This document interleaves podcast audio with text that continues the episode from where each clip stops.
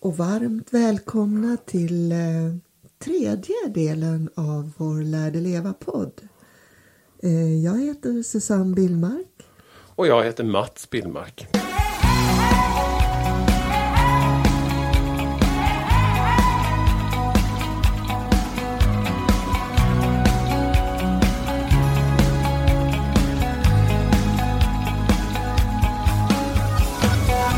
Första ämne vi ska ta upp är om eh, hur det är att vara anhörig till någon som mår dåligt. Vi har fått det är en ständigt återkommande fråga eh, både på mail och eh, när vi är ute och föreläser. Och så kommer vi ta upp en lyssnarfråga som kommer handla om tillit, hur man kan känna tillit. Mm. Men vi börjar med det här med att vara anhörig då. Det är ju Susanne som har varit anhörig till mig. För det, vi har ju varit dåliga båda två i omgångar. Men det är väl mest jag som har mått dåligt flera gånger. Eller gått in i princip två utbrändheter kan man väl säga. Men jag tänkte ta upp den andra gången. Det är kopplat till faktiskt vår första bok som när Lär dig leva gjorde dundersuccé i både Sverige och utlandet.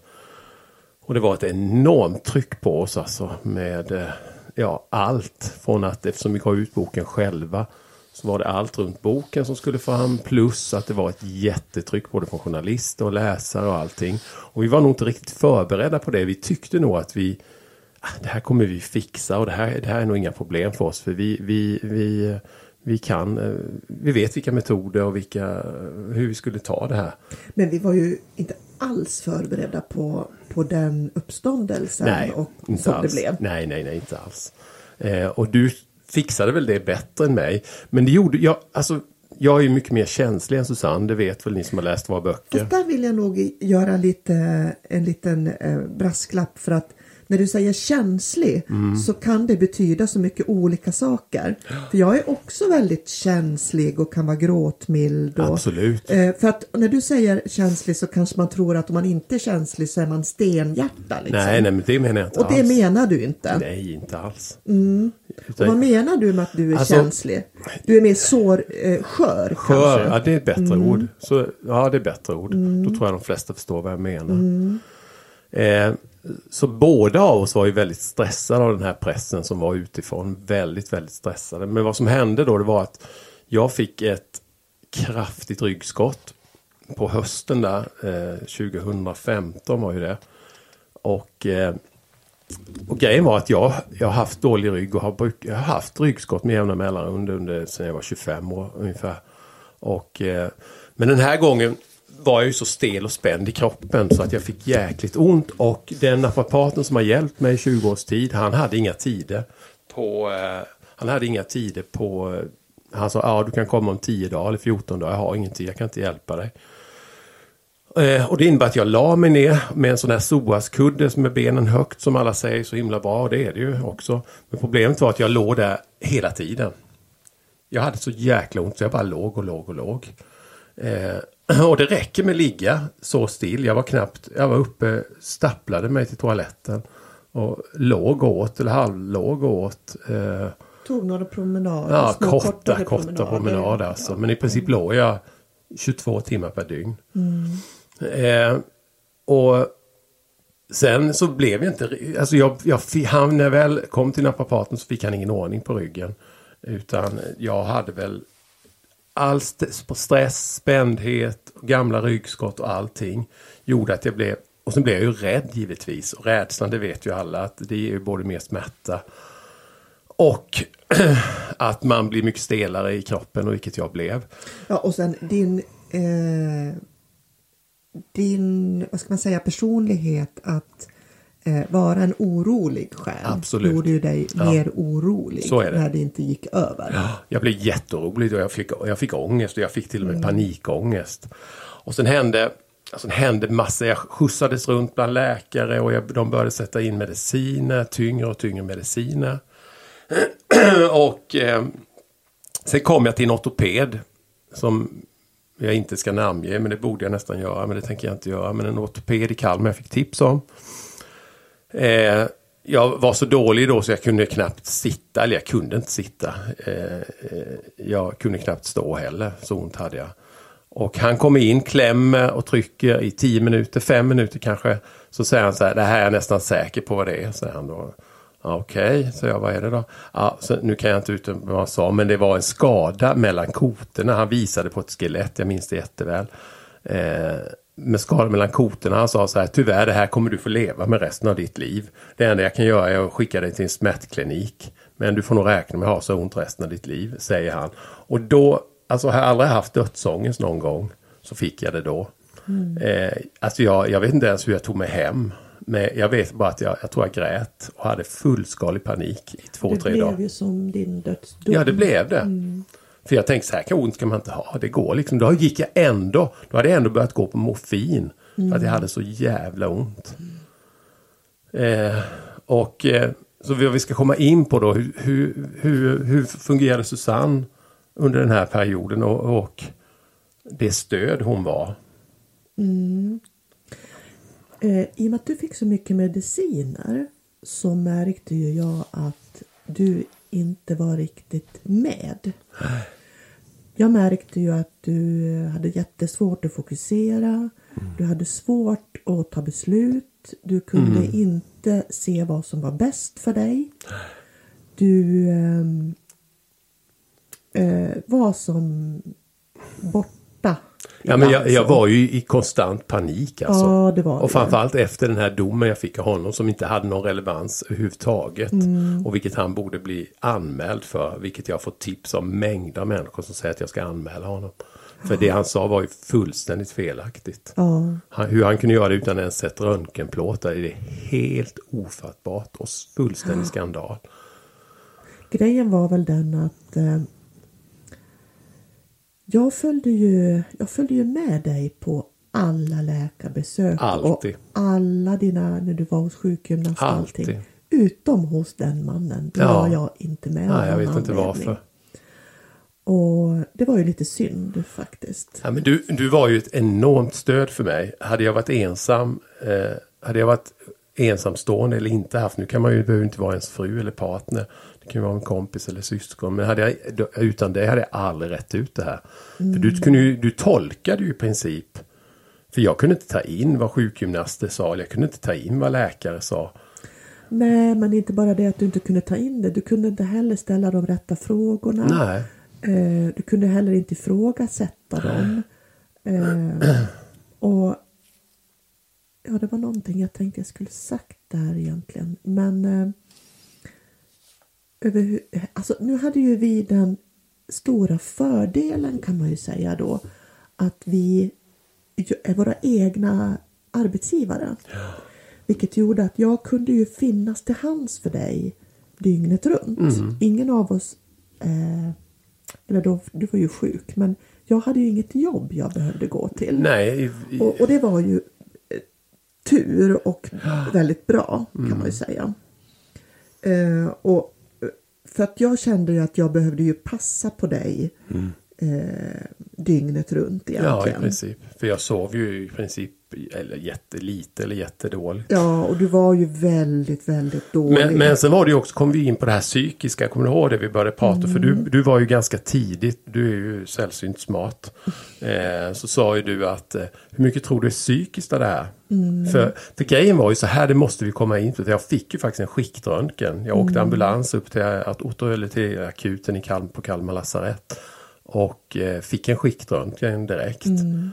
Och det visade sig att det inte var några fel alls. Mm. Det han hade sagt var ju bara ren för det fanns inga fel på ryggen. Mm. Eh, och de sa ju så här hela tiden, du måste träna. Du måste träna för att komma tillbaka. Det var inte ens något diskbråck alltså. Mm. Utan det var ett normalsliten rygg som man har i den åldern som jag har. Men grejen var ju att jag rasade ju i vikt. Jag gick ju ner 16 kilo mm. på 4-5 månader någonting. Så jag tappade ju all muskulatur genom att jag bara låg och låg och låg hela tiden. Mm. Så jag tappade ju all styrka och den här inre muskelfibrerna man, man, har fått lära sig nu i efterhand som, som håller ryggen uppe. Och jag tappade ju allt det. Men vad vi, vad vi var inne på var ju det här med det psykiska då. Mm jag börjar ju inse, eftersom du har en orosproblematik och en ångestproblematik i, i grunden som vi har haft, som du har haft problem med mm. tidigare, så började ju jag fundera på hur mycket av din smärta var åstadkommen av din rädsla och, och hur mycket av det som orsakades av din mentala oro, ångest och rädsla. Mm. Och då frågade jag ju dig då på en skala på, eh, eller om du tänker dig 100 procent. Eh, hur mycket tror du att din mentala ohälsa kan man ju säga då påverkar din smärta? Frågade jag dig. Mm. Och jag minns att första gången jag frågade dig så trodde inte du att det påverkade någonting ja, överhuvudtaget. Kanske 10 procent kanske jag sa. Ja. Och sen vet jag att jag ställde den här frågan eh, flera gånger under de här sista perioderna sen. Men sen hände ju två saker som jag tänkte berätta mm, om. Ja, gör det. Eh, för jag gick ju då på, jag fick ju lugnande mediciner. Ursäkta mig. Eh, jag fick lugnande mediciner och eh, jag fick morfin och jag gick på Alvedon och... Eh, du tog eh, var det 29 olika tabletter varje dag? Nej, inte olika, men jag tog sammanlagt 29 tabletter per dygn. Mm. och det var ju också då 8 Alvedon och 4 Ipren. Mm. och... Eh, men då i alla fall så... Jag måste hackla mig igen. eh, då i alla fall så... Så var det så här att jag skrev, för Alvedon och Ipren fick jag ta var fjärde timme. Så att jag började ju då skriva ner på en lapp exakt mm. när jag skulle ta nästa gång. Jag klockan tre och sen skulle jag ta klockan sju och så vidare. Eh, sen var jag ute och gick med vår hund vid ett tillfälle. Eh, och för det enda jag kunde, jag kunde inte sitta. Jag, jag kunde ligga i en viss position som var hyfsat uthärdligt. Eh, och jag kunde gå. Det var ju det som var, alla sa liksom, men jag kan ju gå för jag var ute fem promenader om dagen liksom. Mm. Liksom det hänger inte ihop, ungefär sa, sa sjukgymnaster. Du ska inte kunna gå som du gör om du vore så dålig. Eh, men i alla fall så ut och gick och tyckte att jag kände mig jag tänkte, det känns ovanligt bra idag när vi hade en promenad. Var väl kanske någon kilometer från vårt hus. Eh, och eh, sen, sen, kom jag på, men gud när var det jag skulle ta Alvedon och Ipren? Och tänkte, jag har ju min lapp i bakfickan, jag har ju stenkoll. Då upptäckte jag att den hade gått ut för 40 minuter sedan. Och vad hände då? Jo, det tog ungefär 30 sekunder så hade jag så jävligt ont i ryggen så jag nästan släpade mig hem. Och det var ju liksom första beviset på att det här var otroligt mycket psykisk mm. smärta. Mm. Och då vet jag du sa, vad tror du nu? Ja, nu är det nog, det är nog 40 procent psykiskt eller något sånt där, sa jag då. Mm. Sen hände det ytterligare ett sån här eh, historia några veckor eller någon månad senare. Eh, vi var på apoteket inne i stan. Jag vet inte hur jag tog mig in men jag satt med fulla, eller halvstod i bilen för att kunna sitta. Och eh, vi kom in på apoteket och eh, där stod en kompis till mig. Och han sa, vad är det med dig? Jag känner knappt igen dig. Jag hade gått ner jättemycket i vikt och sådär. Eh, och då så säger han så här, men det har jag lösningen på. Jag kan fixa din rygg. Och det var ju som jag vet inte vad, träffa Jesus. Mm. Eh, jaha, hur ska du fixa den då? Ja, men jag har sån här tejp. Nu kommer jag inte ihåg vad det heter. Vad heter Nej, inte heller. Ja, ni vet säkert, här, man tejpar med bred färgad tejp som eh, kinologisk. Kino, kinesologisk Kin ja, något sånt.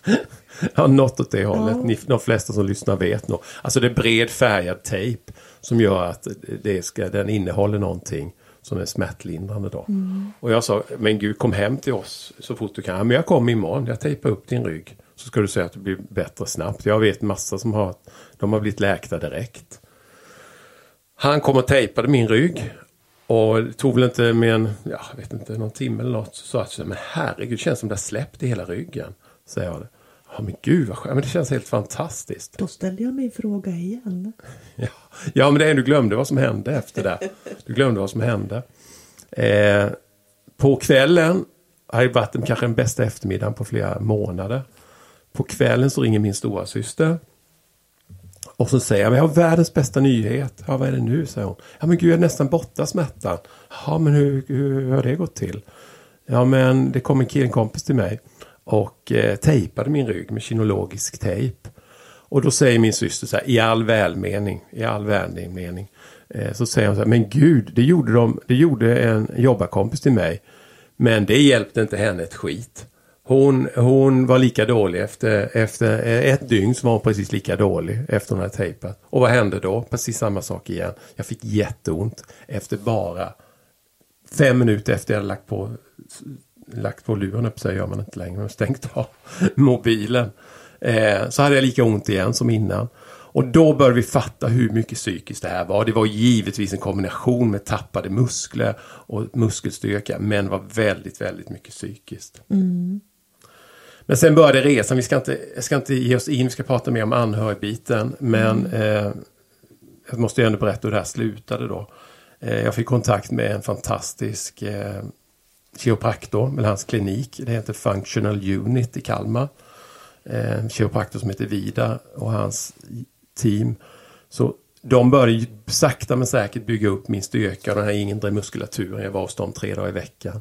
Och sakta men säkert då, efter ett par månader så kunde jag börja sitta igen och jag kunde börja fungera igen. Och eh, sen jobbade vi där gång på gång på gång. Och jag fick övningar jag kunde göra hemma. Och eh, sen blev jag i princip helt frisk. Mm. Eh, ja, hade inte mer ont än någon annan men eh, men jag byggde upp min muskulatur, framförallt kårmuskulaturen och inre, inre, inre muskler. Jag kunde efter ett jäkla jobb eh, fasa ut alla dessa hemska mediciner. Mm. Det tog väl ett halvår att få bort i princip alla mediciner. Mm. Eh, så att det slutade väl, men det var en osannolikt jobbig period. Men nu Du- tänker jag så här Susanne, hur, Eh, Eh, hur står du ut och vad har du för tips till? För det är väl det viktigaste egentligen. Det viktigaste är inte hur sjuk jag var utan vad ska vi skicka med för tips till alla anhöriga som har en partner eller en syskon eller en vän som mår dåligt. Hur ska de tänka och hur ska de åka? Mm. Ja, att vara stödjande under en eh, sån här eh, en lite längre period för någon som mår dåligt är ju det är ju nästan som att vara sjuk själv fast man kan inte göra någonting. Nej, det är en väldig frustration. Därför att ja, och man blir ju otroligt frustrerad och man känner sig helt hjälplös. Och det som var jobbigast tycker jag nästan, det var att du var så här från att den här medicinen gjorde att du blev så både personlighetsförändrad och eh, eh, eh, apatisk. Liksom. Och det gjorde ju att jag bara ville skaka om dig ibland. Eftersom det kändes inte som att du inte riktigt förstod eller lyssnade på mig eller, eller så. Och sen är det ju jättesvårt att veta vad kan man ställa för krav på någon som är sjuk? Kan jag, kan jag, kan jag be den här personen tömma diskmaskinen? Kan jag, kan jag, vad kan jag göra och inte göra? Ja, för det är, ju, det är ju en stor del för att det är ju lätt att bli medberoende. Ja, man blir ju medberoende. Att man bara bäddar och bäddar och bäddar för Mm. den som mår dåligt och bara liksom täcker upp eller vad ska man kalla Jo det? men det gör man ju, för man vill ju väl. Ett som till exempel när du väckte mig mitt i natten och vi skulle flytta de här TENS eh, Elstötarna eller som el- du hade med, med elektroder som satt på ryggen med stötar och, och jag bara kände liksom nej, eh, det, vi, kan, det, det spelar liksom ingen roll om vi flyttar dem två centimeter åt ena hållet eller andra hållet. I de lägena blir man ju bara trött och arg. Eh, många gånger var jag ju så trött och slut på allt detta så man vill bara skrika far åt fanders med den som är sjuk. Och ibland så kan det, eh, det bli en sån enorm frustration samtidigt som man ju är rädd. Man är ju också rädd att mista den här personen och eh, man är rädd att... Rädd att du inte ska du- orka med. Ja, att rädd att man inte ska orka. Man är Vill- rädd att, inte man, att du ska bli frisk.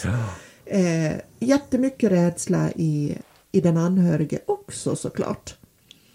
Men eh, de här kraven som man kan ställa, vi, vi brukar, man kan säga att man ska ställa måttliga krav, men vad är måttliga krav? Ja, det är viktigt. Ja, då skulle man ju kunna tänka sig så här då. För att jag följde ju med dig till läkare, terapeuter, det var smärtterapeuter och sjukgymnaster och läkare hit och läkare dit. Och då tänker jag att där som anhörig eller den, den som är nära, att man, att man verkligen gör det, följer med.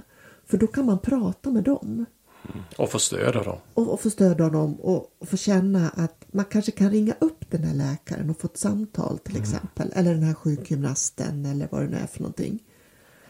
Eh, och och få, få veta vad, vad kan jag ställa för krav. För egentligen behöver också den här sjuke lite, lite motstånd. För det är så otroligt lätt att hamna i en sjuk identitet. Eh, det är så otroligt lätt som sjuk att man inte tror att man klarar av någonting. Och egentligen tror ju jag att man klarar av mer än vad man tror. Fan, och mer än vad man kanske vågar utsätta sig för. Framförallt tror jag också att när man har varit långtidssjuk, om vi pratar om utbrändhet, om vi inte pratar om just min, min situation som var då. Men alltså många sitter ju i otroligt mycket människor är utbrända och långtids, eh, långtidssjuka av utmattningssyndrom, utma, eh, eh, vad heter det? Ut, utmattningsdepression och ångest och sådär. Eh, och det blir lätt att, att man pratar om det här hela tiden. Man kanske går med i sidor på Facebook och Instagram eller eh, hem, alltså förstår du, med grupper där man bara ältar problem och ältar problem hela tiden. Och då är det, blir det också en tillhörighet. Är du då, är du då, säg att du lider av av ångest eller panikångest eller vad det nu är. Och du är med i massa sådana grupper och du hela tiden pratar om det här. Då, då kan man också, vad har du att förlora om du blir frisk? Förstår du? Ja. Och det blir också, det finns ju alltid en vinning. Det kan låta hårt men det finns alltid en vinning med att vara sjuk. För du slipper göra vissa saker och du blir omhändertagen och folk bekräftar dig och ser dig och hör och, och, och, och liksom du får liksom fokus på dig mer kanske än om du är frisk. Och den, det fokuset och den bekräftelsen jagar ju många människor. Och då, vad händer då om man helt plötsligt blir frisk från sin ångest eller sin utbrändhet?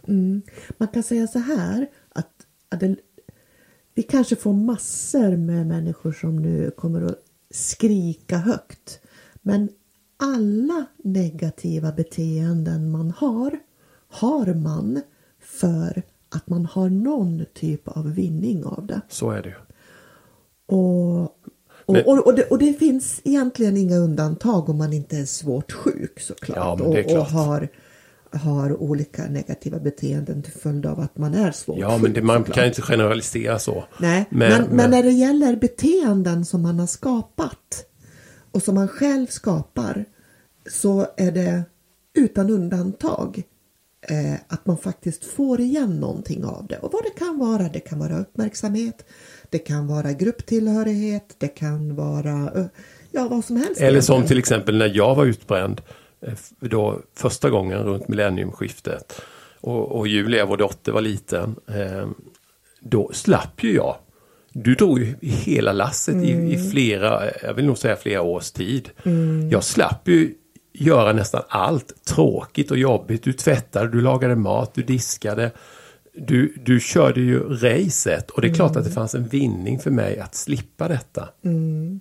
Och där var det ju också en vinning för dig på, på olika sätt. Både för att du slapp göra det. Men också för att du slapp visa din oförmåga. Ja, För att du kunde ju inte laga mat. nej. Och du visst. visste ju egentligen inte hur man gjorde med vissa saker. Nej. För du var ganska bortskämd. Från, från, eh, från Ja, din jo, visst. uppväxt så att säga. Ja, visst. Eh, Men vad, vad, jag, vad jag tänker är viktigt där man kan säga om medberoende. Det är ju att det är ganska farligt därför att man, man gör det enkelt för den som är sjuk att vara sjuk. Och att fortsätta vara sjuk. Och jag tänker att eh, det här med eh, hur, hur, vad man ska göra. För att det här med att vara sjuk blir som en identitet. Och på något sätt så, så är det lätt att hamna i den här, eh, fastna i den här identiteten. Eh, och vi behöver ju kanske både inspirera men också väcka eh, om man märker att någon har hamnat i det här. För att, och det kan man ju göra på olika sätt. Man kan ju till exempel göra det genom att inspirera och locka personen att göra olika saker. Men man kan också ibland behöva göra lite obehagliga saker för att väcka människor ur negativa Jo, beteenden. det vet man ju att eh, man måste utmana det som man är Mm. rädd för. Och man måste utmana det som är obehagligt och otäckt. Mm. Det, är ju, det är ju sättet att komma till, till, eh, till rätta med oro och ångest. Att bara backa och bara backa och säga nej, nej, nej till allting som man tycker är otäckt och jobbigt. Det är ju precis galen metod. Då bygger man bara på oron och man blir ännu mer ångestfylld. Man måste utmana det i måttliga doser. Ja, för jag tänker också att det är många ungdomar idag som mår väldigt psykiskt dåligt. Och ibland tänker jag att det kan också vara så att på något sätt så kanske många människor har, och ungdomar kanske i synnerhet, har blivit invaggade i någon slags eh, föreställning om att livet ska, ska inte innehålla besvikelser eller eh, alltså dålig självkänsla eller oro eller att, eh, att, livet, att livet inte ska, ska innehålla obehagliga saker. Och ibland, eh, jag tror kanske att det viktigaste är att många unga har inte fått verktyg att lära sig hantera det som är svårt i livet. För livet innehåller ju ständigt besvikelser och sånt som man inte vill ha i Ja, det är ju livet. alltid, det är en berg och dalbana. Ja, och det viktigaste är väl att man lär sig att hantera det som är svårt. Och de verktygen tror jag det är många som inte har. Alltså alla har en berg dalbana, hur det än ser ut på deras Facebook och Ja, Instagramkonton så har alla sitt. ja, Sen, sen är många jäkligt bra på att dölja det. och vi har ju, vi har ju någonting som kan vara det mest otäcka för människor att höra. Det är ju att man har ansvar för sitt eget liv. Därför att vi vill gärna skylla på någonting. Eh, mamma, pappa, grannen, mormor, morfar, kompisen, partnern, Ja, det, eh, barnen. skoltiden, Ja, uppväxt, skoltiden, uppväxten. Vi vill gärna hitta en syndabock. eh, en syndabock för att vi själva ska slippa ta ansvar. Men hur, hur sann den än kan vara, att det här är en syndabock, så finns fortfarande ansvaret för ett, ens eget liv eh, kvar. För du har alltid ett eget val hur man vill agera och hur man vill tänka kring olika eh, beteenden eller situationer eller eh, vad det nu än är för någonting. Och där tror jag också många fastnar, att man tror att man inte har ett val. Men det har vi. Hur svart eller svårt det än ser ut så har vi ett val. Och det är ju ändå Eh, det, som, det som vi känner inom oss har ju, är ju stort sammankopplat med hur vi tänker. Och kan vi då förändra hur vi tänker kring saker och ting och hur, vad vi har för attityd till saker och ting så kan vi också förändra våra känslor, förändra känslan. Och när vi förändrar känslan så kommer också tanken att förändras. Det är som en, en, en kan man säga, en vals mellan de här två. Där tanken och känslan eh, hjälper varandra kan man säga.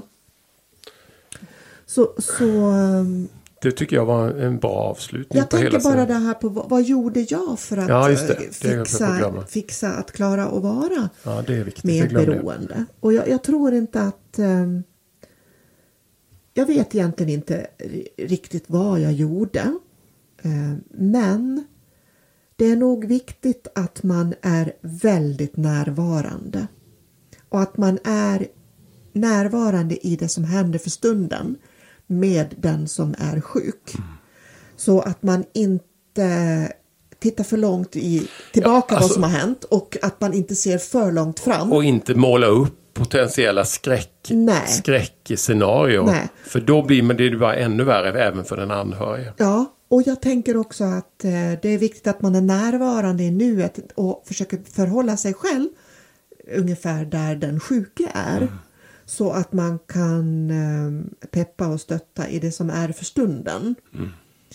Sen vill jag också säga en sak och det är det här att som jag tror att många anhöriga känner.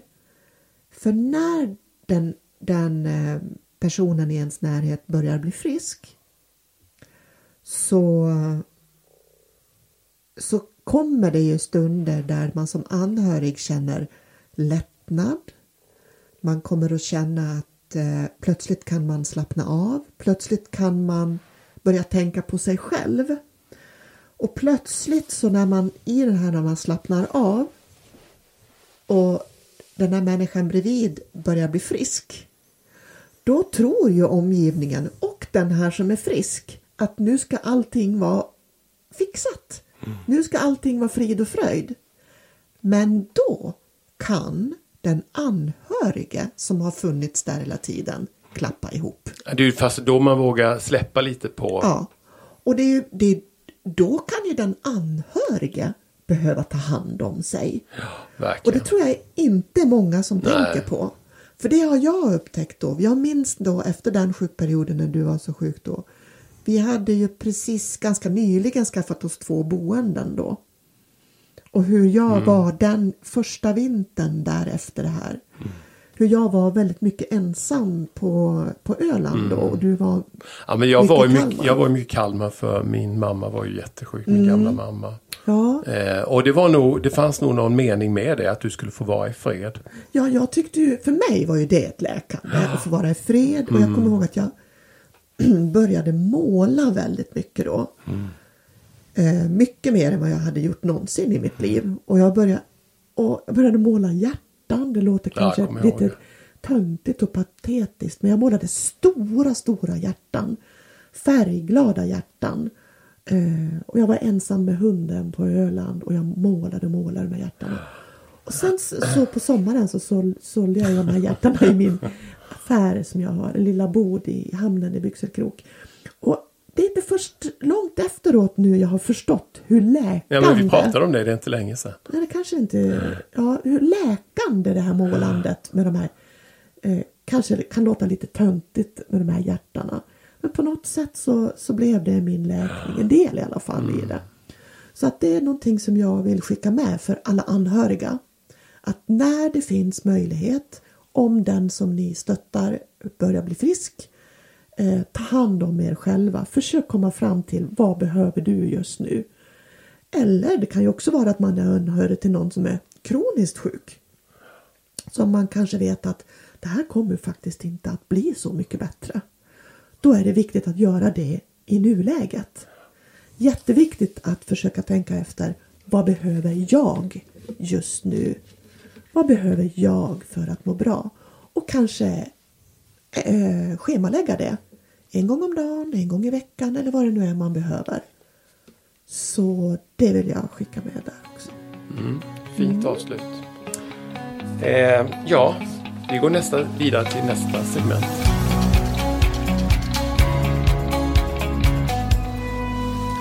Och då är det dags för veckans lyssnarfråga som vi har fått från Lena i Göteborg. Och hon undrar då vad kan hon och alla andra lyssnare göra för att kunna känna mer tillit både till sig själv och andra?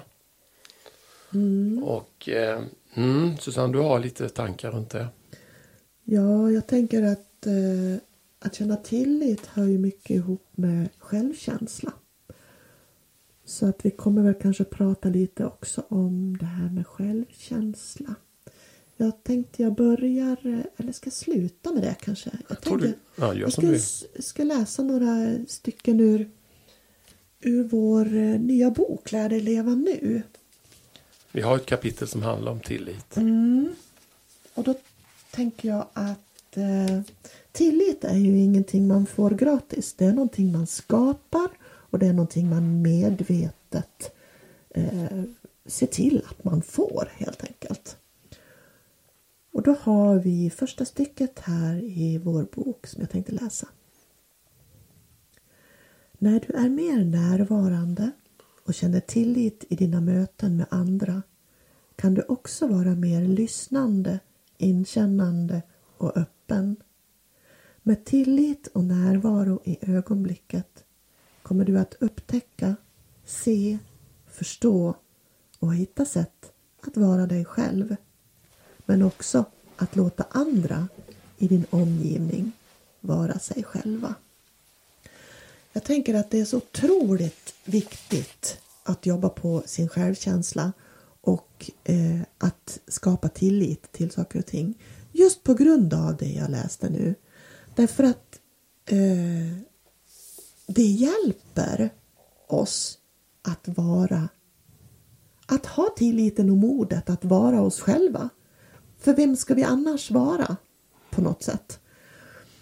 Och eh, Jag tänker på eh, om man nu har blivit sviken. Eh, då kan man ju bli väldigt tilltufsad och ens tillit kan ju vara väldigt naggad i kanten. Och då, jag tänker om det är någon som har blivit sviken av en partner efter ett långt förhållande till exempel. Eller en, eh, en vän som man trodde var en väldigt eh, nära vän eller som man har varit vän med väldigt länge. Så, så det är klart att det gör ont. Och man tappar kanske tron på mänskligheten. Och man hör ju ofta att alla säger att nu ska jag aldrig mer eh, låta någon komma nära eller nu ska jag aldrig mer skaffa en ny partner eller nu ska jag leva livet själv. Vi hade ju en, eh, vi hade ju en, en, bok, en bokläsare som eh, mejlade till oss som hade blivit väldigt eh, Hon hade blivit sviken av sin partner och hon hade bestämt sig för att nu ska jag leva, skaffa hund. Det är hunden och jag resten av livet. Jag tänker inte gå igenom det här en gång till. Det är alldeles för smärtsamt. Men sen, sen träffade hon en partner. Ja. Och, men jag vet att hon, hon skrev det i ett mejl att hon hade bestämt sig att den här smärtan går jag inte igenom en gång till. Nej, och då tänker jag att det är just det där att vi är så dåliga på att hantera just smärta. Mm. Och för att, just för att vi är så dåliga på, för att vi vet inte vad vi ska göra av smärtan, så kommer vi hellre att undvika det som är fint i livet. Ja, för vi att inte få uppleva smärtan igen. Ja men nu är vi där vi var pratade innan. eh, Vi Mm. pratade om när jag nämnde att, det här, att man, man, man har två val. Antingen så backar man och säger nej till allting. Och, Mm. Eller så går man ut och vågar utmana den här smärtan Mm. eller rädslan. Och då tänker jag att om man, om man inte vågar leva igen, om man inte vågar möta en, en partner igen eller vågar, inte vågar vara nära någon igen, då säger man ju nej till livet. Och då kommer man inte att leva fullt ut. Och då måste man ta den risken att det ska smärta igen. Det är en risk vi måste ta för att kunna leva fullt ut. Och då kan det ju vara bättre att försöka lära sig hur man ska hantera den smärtan istället och ta hand om den. Det finns ju Och- många sådana, alltså om vi, inte, om vi ska prata om tillit i ren allmänhet, rent allmänt så, så tänker jag på eh, när eh, vi under många, många, många år hade alltså haft jätte, jättepressad och jobbig ekonomi. Eh, innan våra alltså, framgångar med böckerna och sådär. Eh, och vi hade ju alltid, det var ju pressat många gånger och vi hade tillfälliga jobb och vi jobbade med olika, framförallt hade vi egna projekt.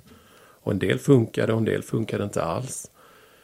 Eh, men vad vi lärde oss, det var att det kom alltid något gott ur allting.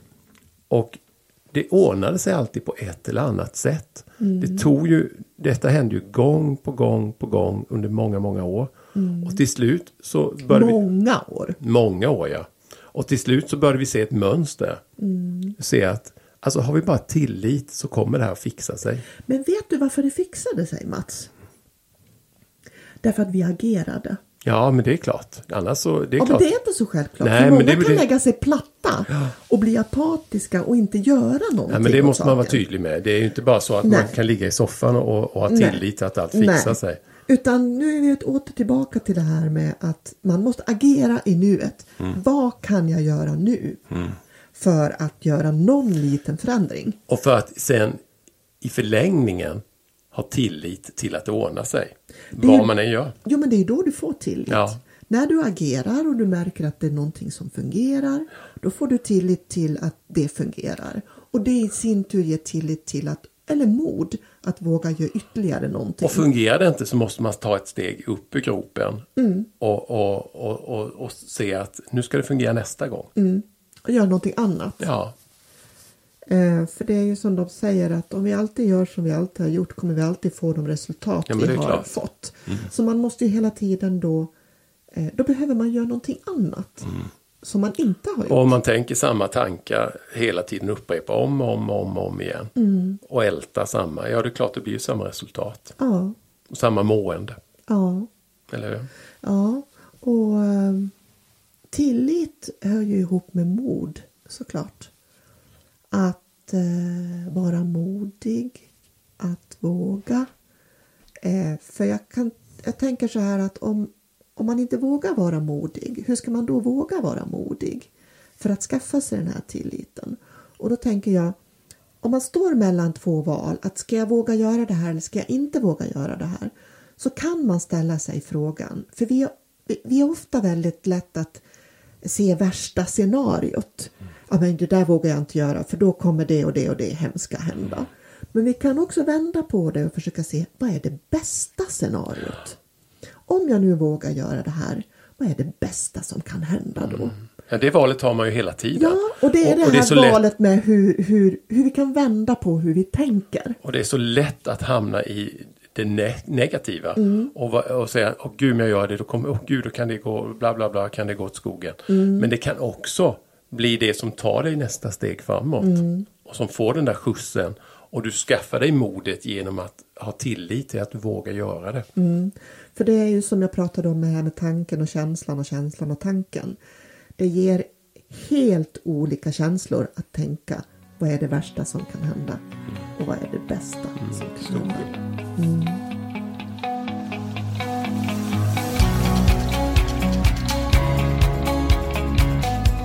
Ja, vi är på väg mot slutet av den här podden och eh, vi vill gärna att ni fortsätter att mejla in eh, ämnen vi tar upp i podden. Vi väljer ut något varje gång. Vi ska ha en veckans lyssnarfråga varje gång tänker vi. Och eh, mejla gärna frågor till oss. Vi är jätteglada för att ni hör av er.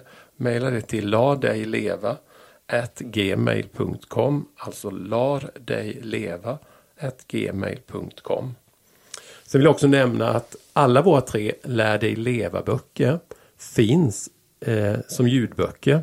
Fantastiska inläsningar. Eh, helt nyinlästa är de alla tre böckerna. Så både Lär dig leva, Lär dig leva, den nya Lär dig leva nu och Lär dig leva i praktiken som är en jättefin bok. Finns på Storytel, Bookbeat och Nextory.